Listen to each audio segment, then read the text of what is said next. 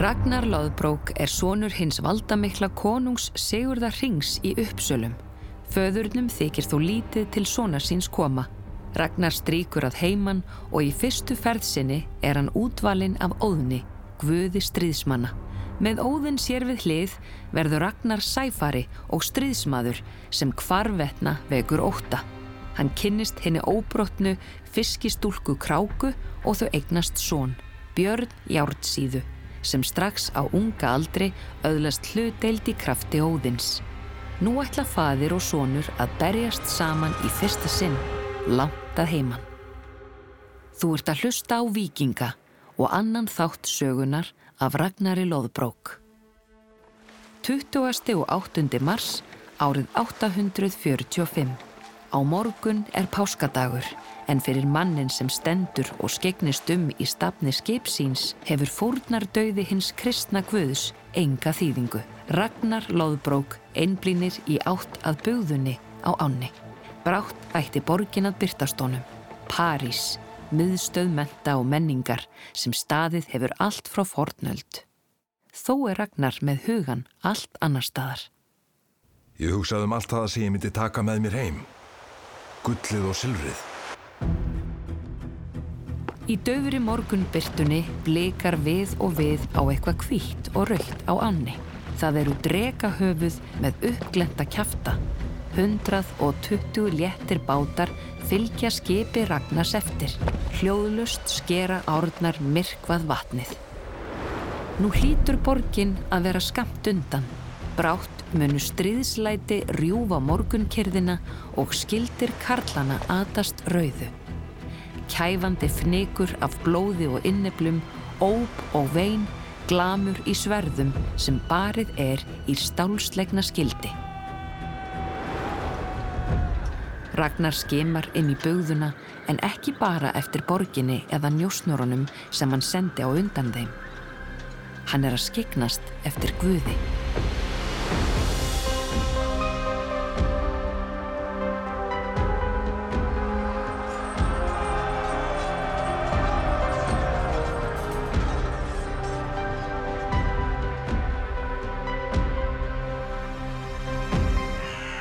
Ég heiti Ragnar Lóðbrók og ég er stríðsmaður Guðs. Í stefninu við hlið Ragnars stendur Björn, sonur hans, sem kallaður er Jártsíða. 15 ára gamal pilturinn er afundin á sveip. Ég vissi samt hvað hann var ákafur. Björn, hjartað svellu svo að Ragnar nánast verkjar. Víst elskar hann alla seni sína, en Björn líkist honum sjálfum. En hefur hann ekki auðlast líkamlega burði stríðsmanns en viljan hefur hann og heilugu reyðina, reyði óðins. Ragnar horfir aftur yfir að árbakkanum. Maður veit aldrei hvenar hann sínir sig eða hvaða gerfi hann velur sér og þess vegna kallast hann Grímnir, sá grímuklætti. Hann getur byrst sem hrapp, úlfur eða ormur en þó oftast sem gamall einegður maður í síðri skekju. Geirtýr, guðblóðsins og spjótsins, muldra Ragnar og notar eitt af mörgum viðurnefnum óðins. Sýndu að þú sért með okkur. Allir sem við drefum skulu tilheyra þér. En Guðin sínir sig ekki. Það fer hrollur um Ragnar í svölu morgunloftinu. Sama nýstandi tómleika tilfinningin hellist alltaf yfir hann skömmu fyrir bardaga. Hann hefur lagt á ráðinn um árásina, fært fórnir og aukið mönnum sínum kjark. Nú getur hann aðeins beðið. Maður stjórnar ekki henni heilugu reyði óðins. Hún kemur þegar Guðinum sínist. Hann ætti að segja eitthvað uppurvandi við Björn. Hann er eflaust þjakaður af sömu tilfinningu og Ragnar sjálfur. Hann snýr sér að seninum en hikar. Augu pilsins glansa og kinnarnar eru rjóðar. Hann verðist uppnuminn. Eitt augnablik sundla Ragnar. Sá hann skugga við hlið Björns. Mun einegða goðið í þetta skiptið velja að berjast í gegnum Björn.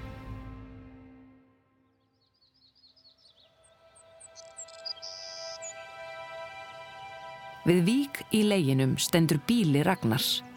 Húsfreyjan Kráka stendur berfætt niður við vatnið. Hún starir en þó ekki á neitt sem sést með berum augum. Hún horfir lengra. Hún finnur á sér að Ragnar, Björn, sonur hennar og stjúpsinnirnir Eirikur og Agnar eru á leið í bardaga.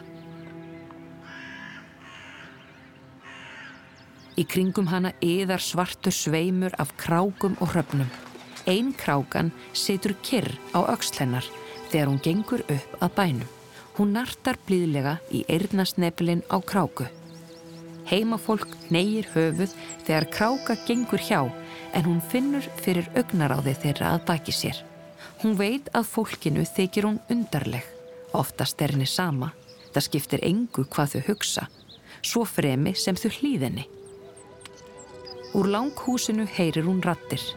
Gamla ambáttinn Steina er að segja söguna sem Ragnar hefur svo oft farið með. Um það þegar hann fann kráku í litlu fiskiþorpi. Steina hefur verið fóstra Ragnars síðan hann var lítill og skipar háan sess af þrælað vera. Hitt fólkið hlustar af ákjærð. Menn Ragnars höfðu séð gullfallega fiskistúlku sem þeim fannst að hann yrði að hitta. Ragnar sendi eftir henni en til að reyna hana setti hann fram nokkrar kröfur. Hann hafði reiknað út að það erði ómögulegt að fara að óskumans. Ég sagði að hún skildi hvorki koma klætt nýja óklætt, hvorki sött nýja svöng, hvorki ein nýja með öðrum. En það er ekki hægt, segir einhver við steinu, þrátt fyrir að öll hafiðu heyrt söguna áður. Kráka brosir þar sem hún stendur í skugganum innan við hurðina. Hún minnist þess þegar hún klætti sig í net úr fiskikofanum, setti laug á milli tannana og tók varðhund fjölskyldunar með sér að heita vikingahöfðingjan. Hún man hlátur Ragnars þegar hann kom auga á hana, en líka opinskáa aðdáinina í augnaráði hans. Kráka hafði búist við því að hann vildi líkama hennar. Það vildi jú allir og það var ekki bara gátunar vegna sem hún hafði varðhundin með sér. En hún bjóst ekki við því að það yrði svona auðvelt og skemmtilegt að tala við hann. Nýja að hún yrði svona anstutt og heit að innan þegar hönd hans streykist við hennar. Þegar hún gekk heimleiðis yfir klappirnar þetta kvöld fann hún að eitthvað hafði brist, djúft innra með henni. Dyr sem höfðu verið lokaðar svo lengi sem hún myndi höfðu opnast og því var eins farið með Ragnar. Ég gat ekki hægt að hugsa um hana. Í munni steinu hljómar sagan þó öðruvísi. Ekki með annað utanum sig en fiskinnit, segir svo gamla. Hún lækka rómin og þau hinn halla sér nær þar sem þau sitja við eldin. Það sést beint í gegnum möskvan, auðvita fjallan fyrir þessu. Nú er steina næstum farin að kvísla en þar sem hún var að verða hernalös heyrist þó hvert orð. Nú liggur hún í rúmi höfðingjans og hegðar sér eins og hún sé húsfreyja á bænum. En hún var aldrei annað en ótínd fiskistelpa. Og veitir þið hvað? Ragnar hefur ekki glemt Þóru, konu sinni, móður Eiríks og Agnars. Hún var sannarlega fín frú. Sss, segir unglingstúlkan Anna og tekur um handlegg steinu. Krákastendur í dyragáttinni. Steina fölnar upp. Hvað hefur hún staðið þarna lengi? Kráka segir ekkert en dimt augnar á þennar kvílir á steinu. Kráka var sannlega ekki kona sem að vildi eigað óvinni, svo ekki sé meira sagt.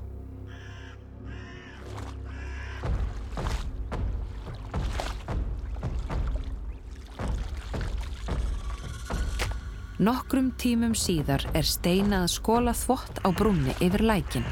Skindilega ræðist krákuhópur á hana. Hún liftir höndum til að verja höfuð sitt en rennur á brúnni sem er sleif af sápu og fellur í vatnið. Þegar hún loks kemst upp úr er hún blá og styrð af kulda. Uppi við vefstofuna stendur kráka og starir sveipriðalöst á hana.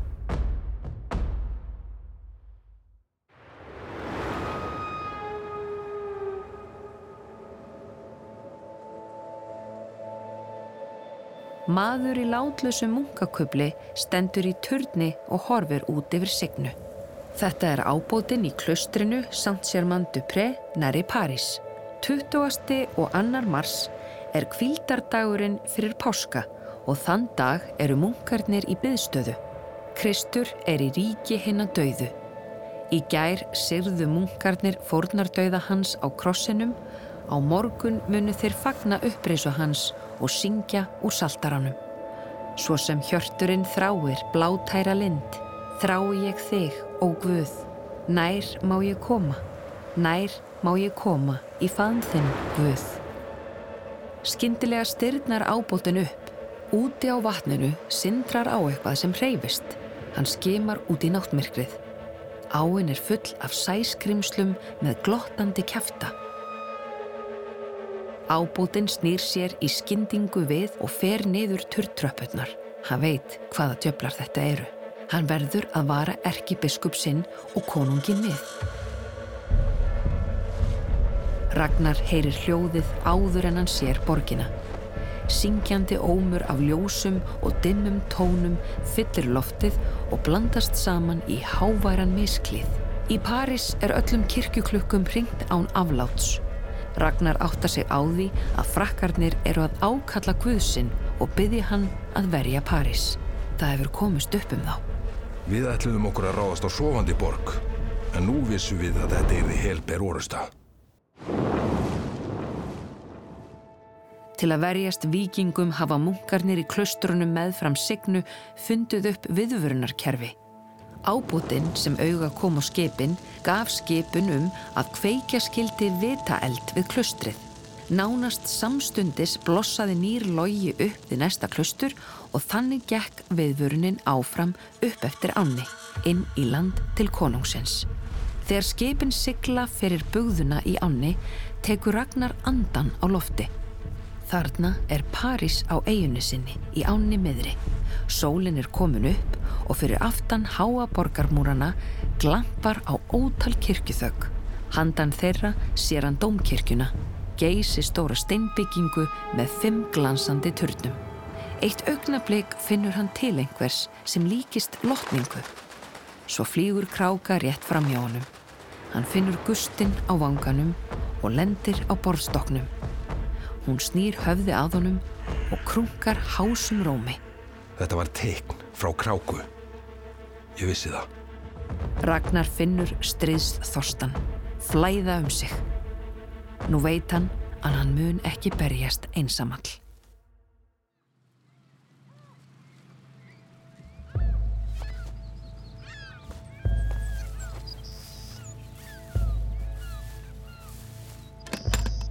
Vefstofa Kráku stendur fjarrri hinum húsunum. Hún gengur inn og læsir að sér. Inni í rökkrinu standa nokkrir vefstólar upp við vegg. Kráka opnar kistu og tekur fram lítið líkneski úr steini. Þetta er Freyja sem ræður ástum en líka stríði og dauða. Helmingur þeirra sem deyja í stríði hafnar í sál Freyju, sessrúmni.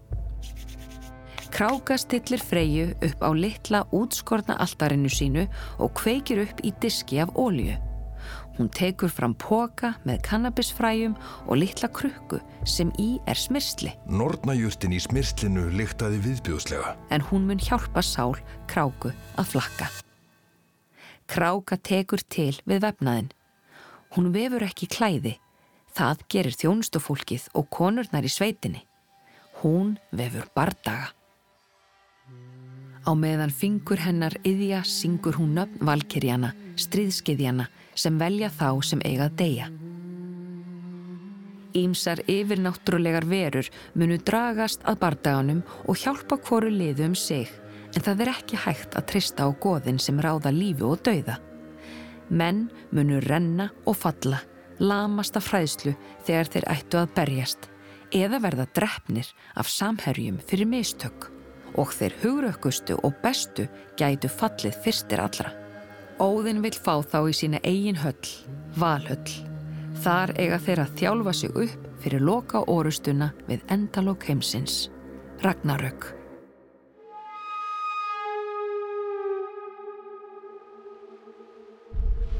Kráka sér fjölskyldu sína en á þókukendan og afbakaðan máta líkt og hún horfi gegnum vatn í kringdu glasi.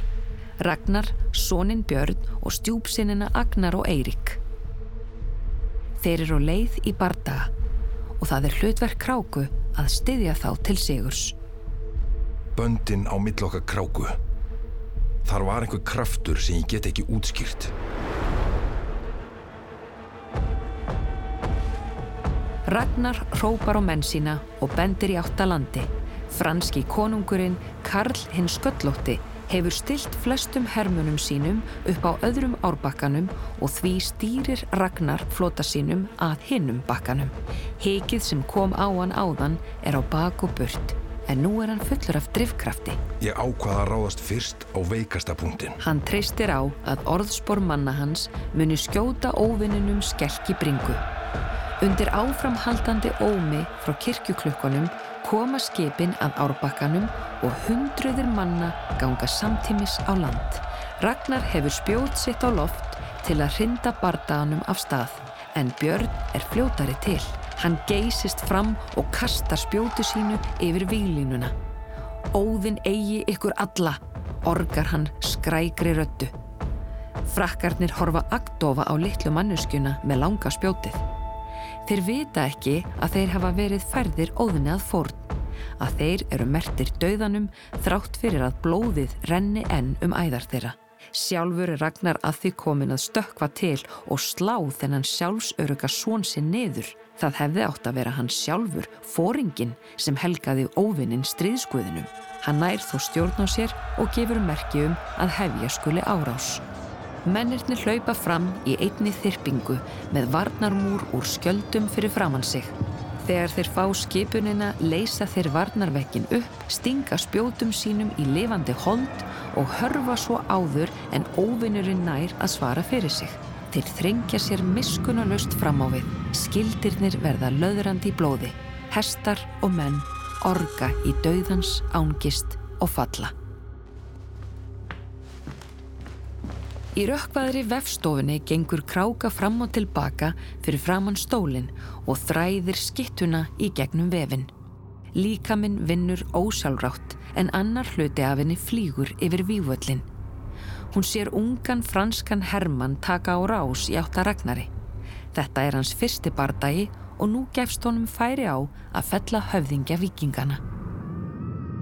Ég tók of seint eftir honum. Fingur kráku toga í hnút í vefnum. Á sama augnabliki lamast úlingurinn af hræðslu. Handlikir hans og fætur þingjast og það er líkt og hann drægist niður á jörðina. Skyndilega var eins og allur kraftur rinni úr honum. Hann stendur eins og steinrunnin og sér Ragnar reyða sverð sitt til högs. Þegar hann fellur blikar á krossin, þann sem hann festi um hálsin í morgun þegar hann bað Jómfrú Marju um gott gengi í bardaganum. Skyndilega nefnur kráka staðar fyrir framann vefstólinn. Hún leggur hönd yfir kviðin. Fann hún eitthvað flökta þarna inni? Já, nú gerist það aftur. Eins og sporður sláist til. Barnið er vaknað í móðurlífinu. Hún vissi að það væri þarna, en það svaf. Bróðir handa byrni. Nú, þegar hún vinnur að orustu vefnaðinum, hefur barnið vaknað. Það telur kráka enga tilviljun.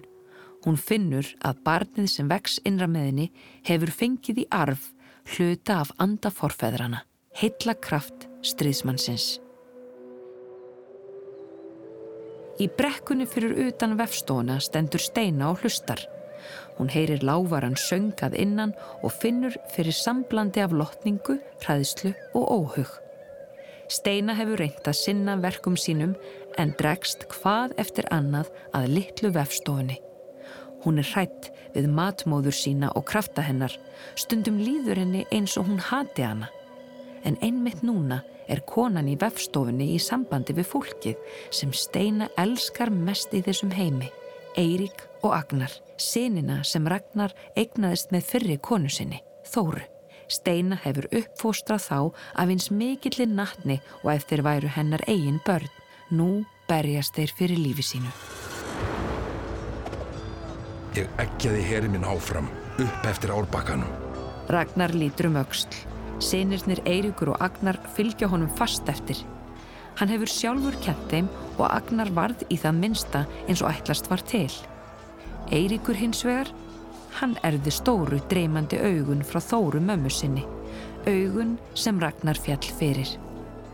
Þegar hann sér þessi augu í andliti svona síns vekja þau þó aðeins ugg og pyrring með honum. Hvenar ætlar strákurinn að verðað manni? Það get ekki allir orðið stríðsmenn eins og þú var þóra vön að segja. Það hlýtur líka að vera pláss í þessum heimi fyrir skáld og draumur á menn. Kanski það. En af hverju þurfti einmitt ég að eignast draumóramann fyrir svona? En hann áþó Björn. Hvar er hann eiginlega núna? Mitt í þvögunni kemur Ragnar auga á hann. Hann hefur kastað skildinum frá sér og berst herrklæða laus. Hann urrar, orgar og berar tennurnar. Hann gengur berseksgang sem bókstallega þýðir að klæðast bjarnaskinni. Pilturinn hefur tekið á sig annan ham. Á þessu augnabliki er hann raunverulega björn. Mennirnir fyrir framannan fyllast, dauðans ángist. Nokkri standa sem lamaðir og býða eftir banahögginu. Aðrir snúa sér við til að flýja en hann heggur þá niður aftanfrá. Margir af mönnum Ragnars smitast af henni heilugu reyði björns og gangar líka bersaksgang. Nú flýja frakkarnir frá öðrum árbakkanum.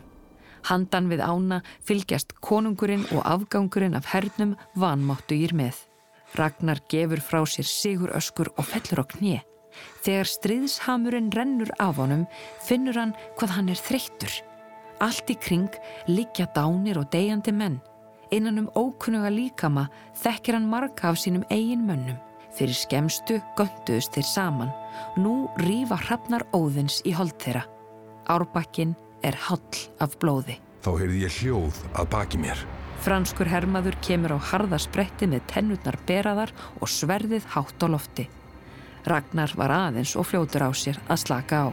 Það eina sín á að hugsa var svona hefði ég ekki átt að deyja. Skyndilega er Björn komin eins og þrjum ár heiðskýru lofti. Hann kasta sér á bakið á manninum. Á sama augnabliki tekur verndarandi hans á sig áþreifanlega mynd og ragnar sér Björn með opin kæft. Pilturinn og dýrið orga saman um leið og háls Hermannsins tætist í sundur og blóðið fossar úr líkama hans. Ragnar sest með erfiðismunum upp og horfir á svonsinn. Lífið sem slær í hans eigin líkama, ástinn til sonarins, sigurinn, allt fyllir þetta hann af ákafri hamingju. Ég vissi að svonu minn hefði þetta í sér. Hann tegir sig fram til að faðma Björn að sér, en sonurinn er strax rókin burt. Kanski hefur hann ekki einu sinni átt að segja á því að hann bjargaði föður sínum. Eitt augnableik stendur Ragnar Kyrr, síðan hrópar hann til manna sinna að hlúa að særðum úr liði þeirra og sapna fungunum saman. 111 fangar eru hengdir upp í tré sem fór til óðins, sem einnig kallast hangagvöð, gvöð hinn að hengdu.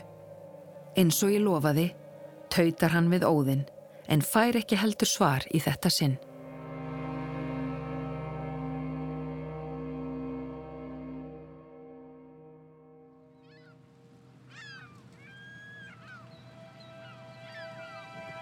Steina stendur enn á sama stað þegar kráka kemur út úr vefstofunni. Sólin er ný sest og mýið söðar. Kráka er föl ásýndar og riðar örlítið. Hún gengur rakleiðis að steinu sem hörvar undan en henni til undrunar tekur kráka utanum hana. Henni fylgir þung, kæfandi lekt. Þeir lifa, segir hún. Þeir unnu. Steina grýpur andan á lofti. Eiríkur og Agnar, spyr hún. Já, þeir lifa allir. Kráka hallar höfðinu upp að auksl steinu. Konurnar tvær standa kirrar um stund.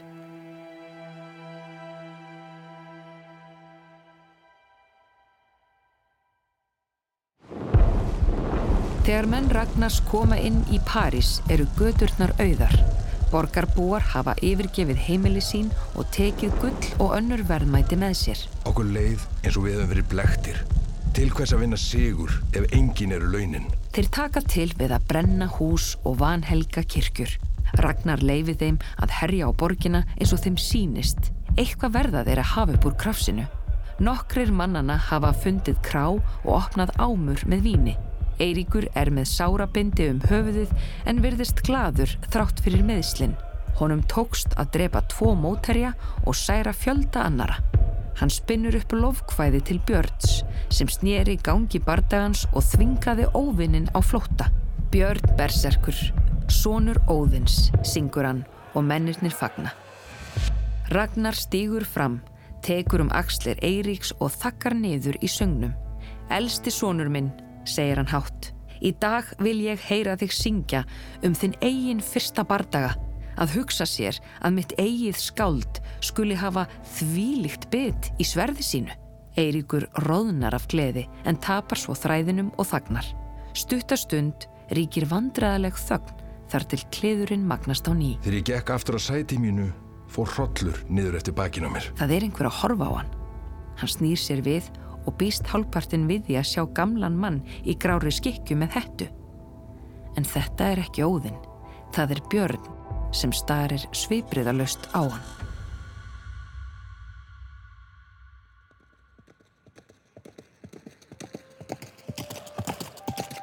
Næsta dag kemur sendibóði með innsikli konungs. Við áttum að fá 7000 pund silfurs ef við færum frá París. Orðurómurinn um sigur þeirra mun ná heim á norðurslóðir á undan þeim.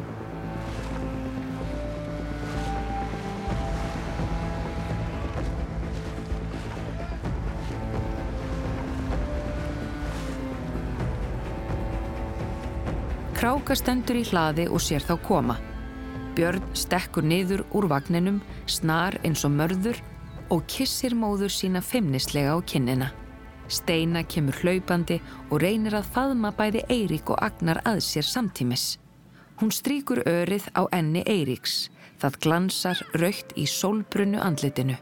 Eiríkur hlær og fer hjá sér en leifir henni að snerta sig. Ragnar klýfur styrðlega niður úr vagninum, síðastur allra. Með kvíðasting sér kráka að heldin vegna gömlu meðslana í mjöðminni hefur versnað til muna. Ferðin til Parísar tók á þennan líkama sem hefur svo oft skattast og verið tjaslað aftur saman. En brosið er það sama og áður og sömuleiðis styrkurinn í handleikjunum þegar hann faðmar hann að sér. Ég sagði henni ég hef séð krákunar hennar rétt fyrir bardagan. Þakkaði henni fyrir að berjast fyrir mig. Fyrir ykkur, Björn, segir hún. Ég flög sjálf yfir vígvöllin og sá hann berjast í Bjarnarham. Ragnar svarar ekki og hún lítur undrandi á hann.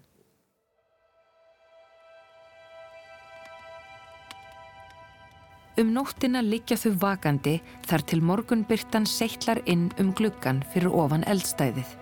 Ragnar heldur henni þjætt að sér.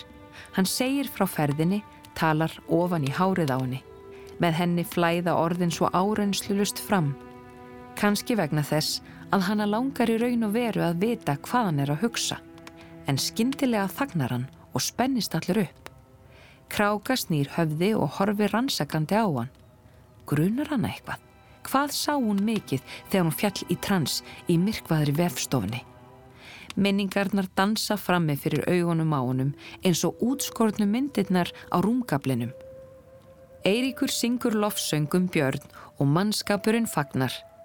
Björn stekkur fram og kastar spjótinu yfir óvinnaherrin og ónotalegasta minningin af þeim öllum Björn stendur í stafni skipsins og skuggi Guðsins er við hlið hans.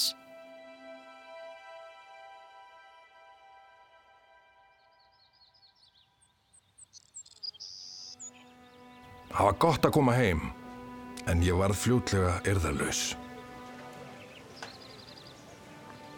Kráka er þreytt og úrill. Meðgangan tekur á hana og fóstra Ragnars, Steina, kvartar yfir því að Kráka hafi sendt fugglana sína á hana. Ragnar bannar henni að ljúa upp á Kráku en eitthvað segir honum að Steina gæti verið að segja satt. Matmóðir má koma fram við þræla sína eins og henni sínist en Steina er engin aðkeftur þræll heldur fætist hún inn í fjölskylduna.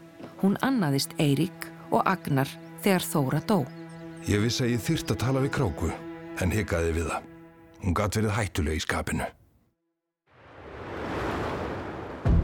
Orðurómur um ránsförina til Parísar hefur borist til eirna konunginum Eisteini Bela og nú er Ragnari og Byrni bóðið til Uppsala, miðstöðvar, menningar og valds. Þegar skipið nálgast höfnina, þar sem nú heitir Fýris á, sér Ragnar gríðarstóran ask, verndartreð sem hefur varið konungsbólið í marga ætliði. Hann svíður í brjóstið. Þetta er bernsku heimili hans en þegar Sigurður fadir hans dó var Eisteit Beli valinn kongur af þinginu í uppsölum. Á þeim tíma var Ragnar enn á táningsaldri og átti nóg með verslunarferðir sínar og ránsfarir. Nokkrum árum síðar giftist hann inn í hinn að voldugu fjölskyldu Þóru Borgarhjartar. Nú fer hann skindilega að hugsa um allt það sem hann glataði. Eisteitt konungur tekur á mótið þeim með yfirdrifinni gestrisni. Drottning hans vísa Ragnari og Byrni til sætis næst hásætinu og rétti Ragnari drikjarhornið fyrstum allra. Þetta er vín frá landi frakkana, segir hún og brosir. En þú hefur auðvitað drukkið það á staðnum þar sem það bragðaðist eflust enn betur. Ragnar horfir á útskorna þakbjálkana þar sem dýr og mannfólk flettast saman í flókið minnstur. Sem barn leta hann augnaráðið oft reyka yfir þessar fíkurur, skáldað upp sögur um þær. Stingurinn í brjóstinu er enn til staðar.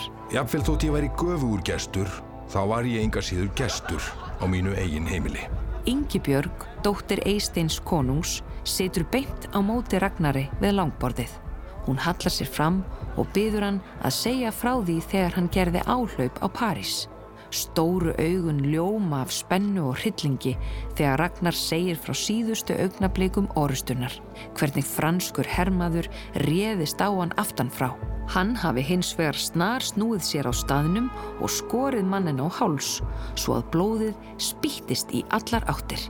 Óðinn hefur verið með þér, segir hún af alvöru þunga. Björn setur öllum glemtur við hlið yngibjargar og sendir þeim ílt augnaráð. Eisteitt konungur beigir sig fram og spyr um konu Ragnars. Hvað heitir hún nú aftur? Kráka, svara Ragnar. Eisteitt beli hlær. Kráka, það er skondið nafn á eiginkonu stryðsmanns. Hún er ekki beinlinis eiginkona mín, muldra Ragnar. Frekar frilla mín. Hann finnur fyrir óþægendarsting þegar hann segir þetta, en það er satt. Hann hefur aldrei gifst henni.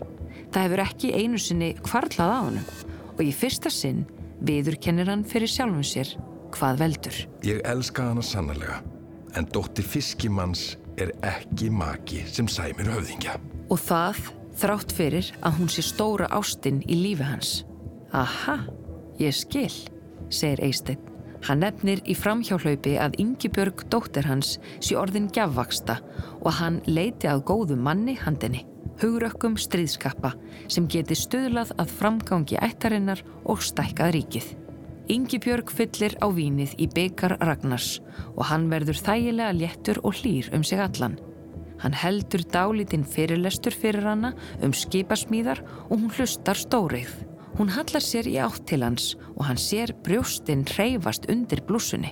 Þegar Ragnar stendur og fætur til að fara út og tæma blöðruna glefsar gamlið sársökin í mjöðmina en hann býtur á jakslinn og þvingar sjálfa sig til að stíga í fótinn. Hann vill ekki haldra. Úti undir berum himni stendur hann um stund og veldir vöngum. Hér í grafhug ættarinnar kvílir móður hans. Er það ekki hérna sem hann ætti með sanni að vera? Margir höfðingjar eiga fleirin eina konu.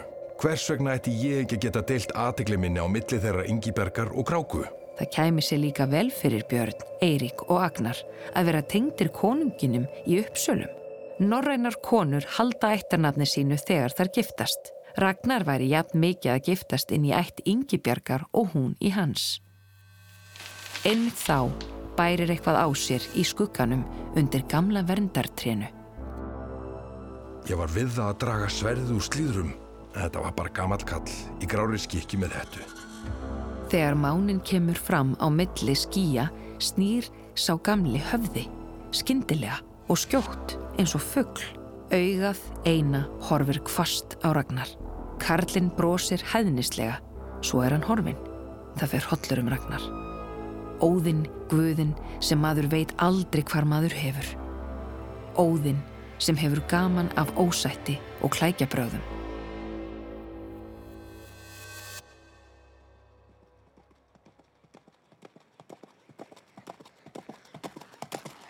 Björn heldur heimliðis en Ragnar verður eftir í uppsölum. Á hverju kvöldi ráðfærir Eisteit konungur sig við hann um einhver mikilvæg mál. Þegar Ingibjörg dregur sér í hlið með þernum sínum, sitja þeir eftir og leggja á ráðin um bandalög og mögulegar siglingarleiðir fyrir veslunar og ránsferðir. Ég sagði Eisteini frá draumi sem ég hafði lengi átt mér. Að sigla til austur Anglíu á Englandi, herrtaka eigun alla og gera hann að vikingstæmi mínu. Þetta var draumur föður Ragnars sem talaði oft um hann, einmitt þarna, á konungsbólunu í uppsölum. Með hjálp Eisteins gæti draumurinn ræst, hugsa Ragnar með sér. Kvöld eitt um miðjan april lítur Eisteit beint í augur Ragnars og segir að nú verði hann að ákveða sig. Vill hann fá yngibjargar eða ekki? Ef ekki, hefur hann ekkert meira að gera í uppsölum. Ragnar fullvisar hann snarlega um að hann vilji fá yngibjörgu fyrir konu. En þau áform verði að vera leinileg þar til hann hefur rætt við kráku. Eisteit stekkur á fætur og faðma Ragnar að sér og kissir á báðar kinnar. Yngibjörg og Ragnar trúlofa sig strax næsta dag að viðstötum nokkrum útvöldum stórmennum. Vorsólinn iljar þeim þar sem þau standa saman í litlum skóarlundi. Ragnar tekur ringsinn af sér og dregur á fingur Yngibjörgar. Á sömu stundu skrjávar í stóra eigartrénu fyrir ofan þau. Þrjár stórar krákur hefja sig þunglamalega á loft og flögur á brott yfir trjákrónurnar. Sama kvöld kemur þjótt með þau skilaboð að kona býði Ragnars fyrir utan skýðgarðin sem umkringir konungsbólið. Ragnar stingur rýtingi sínum í beltið og gengur út. Hann þekkir vagnin og hestana strax. Þegar kráka stigur niður úr vagninum sér hann að hún hefur horast. Hrukkurnar umhverfis munnin eru orðnar skarpari og hárið lafir matt niður með vöngum. Ég frétti að þú hefðir trúlofað þig, segir hún reynd út. Hvernig gat hún vita það? Það fekk ég ekki skilið. Ragnar grýpur gamalkunnug hræðsla við fjölkingi. Hann man eftir völfunum, spákonum sem heimsóttu konungsbólið þegar hann var lítill. Tekið var á móti þeim með gjöfum, góðum mat og víni en þegar þær fóru vörpuðu allir öndinni léttar. Það er eitthvað torrætt og óáreðanlegt við fólk sem á í samskiptum við veröld andana. Reynsla þess hefur gert það frábröðuð öðrum. Þrýr vinir mínir sáu ykkur, segir Kráka, en ekki var það manneskja sem leisti frá skjóðunni. Ragnar útskýrir að hann sé aðeins að hugsa um framtíð hennar og barnana. Nú til dags verði maður að tilhera göfugri ætt ef maður vil komast eitthvað áfram. Er þá ekki lengur nógu fínt að eiga konu sem heitir Kráka, grýpur hún frammi fyrir honum. Ragnar róðnar. Þá skalti vita að ég er dóttir stríðsmegarinnar Brynhildar og Sigurðar Fápnisbana, konungsins sem drap ormin Fápni. Ef þú vilt ekki eiga kráku lengur, skaltu fá áslögu Sigurðardóttur. Það ætti þó að döga þér. Ég fór að hlæja. Það sem hún sagði hljómaði svo fáránlega. Ragnar ólst upp við sögur af Sigurði Fápnisbana að kráka eigi að heita dóttir einnar stærstu hetju aðalstjættarinnar er aldeli skáldskapur sem bragðir að, segir hann hæðnislega. Er hún kannski búin að gleima því að hann fann hana sjálfur í litlu norsku fiskithorpi? Það er verst fyrir þig ef þú trúið mér ekki, segir kráka. Hún tekur um handleik hans. Eisteit konungur er stoltur maður en við getum talað um fyrir honum. Hann verður að skilja að það eru ekki örlög þín að giftast yngibörgu. Ragnar hristir hann af sér. Hvað veist þú um örlög mín? Reytir hann út úr sér. Þetta eru örlög þín, segir kráka og sviftir kápunni frá sér. Því er spáð að sonur þinn verði mikill stríðsmaður. Annað auga hans mun bera teikn í formi orms, ormsins fápnis sem Sigurður fadur minn drap. Sónur okkar mun erfa kraft föður míns. Þú átt eftir að sjá að ég segi satt.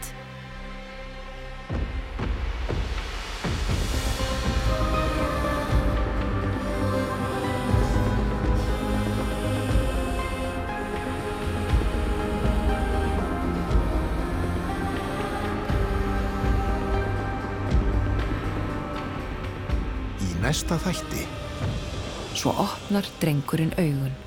Ragnar rekkur við. Það fer hollur um hann. Og þá skildi ég hvað ég þurfti að gera. Þú varst að hlusta á Víkinga og annan hlutasögunar af Ragnari Lóðbrók. Lesari Tinnar Hapsdóttir. Í hlutverki Ragnars var Sveitn Ólafur Gunnarsson.